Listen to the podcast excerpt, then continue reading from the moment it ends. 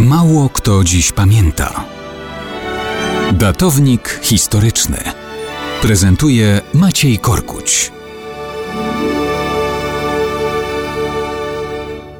Mało kto dziś pamięta, że 15 grudnia 1025 roku zmarł człowiek o nietypowym przydomku Bułgarobójca. Był to cesarz Imperium Wschodniorzymskiego, czyli Bizancjum, Bazylii II. Umierał w stolicy Konstantynopolu w 11 lat po decyzjach, którymi zapracował na swój przydomek. To był czas porachunków cesarza Bazylego z bułgarskim władcą Samuelem. Powód prosty.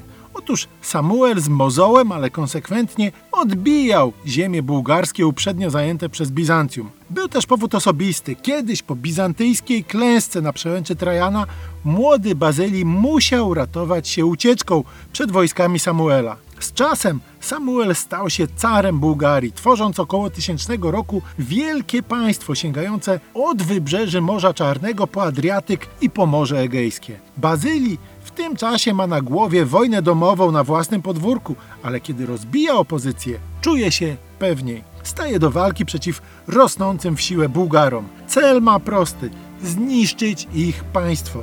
Rozpoczyna wielką ofensywę, odnosi kolejne sukcesy, wdziera się w głąb państwa Samuela. Wojna trwa kilkanaście lat. W końcu przychodzi rok 1014.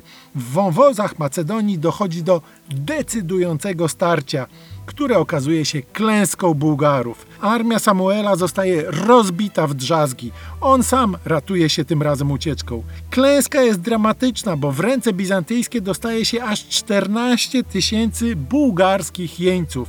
Bazylii nie zamierza im pozwolić na powrót do normalnego życia. To właśnie wtedy uzyskuje swój przydomek. Bo co, morduje ich wszystkich?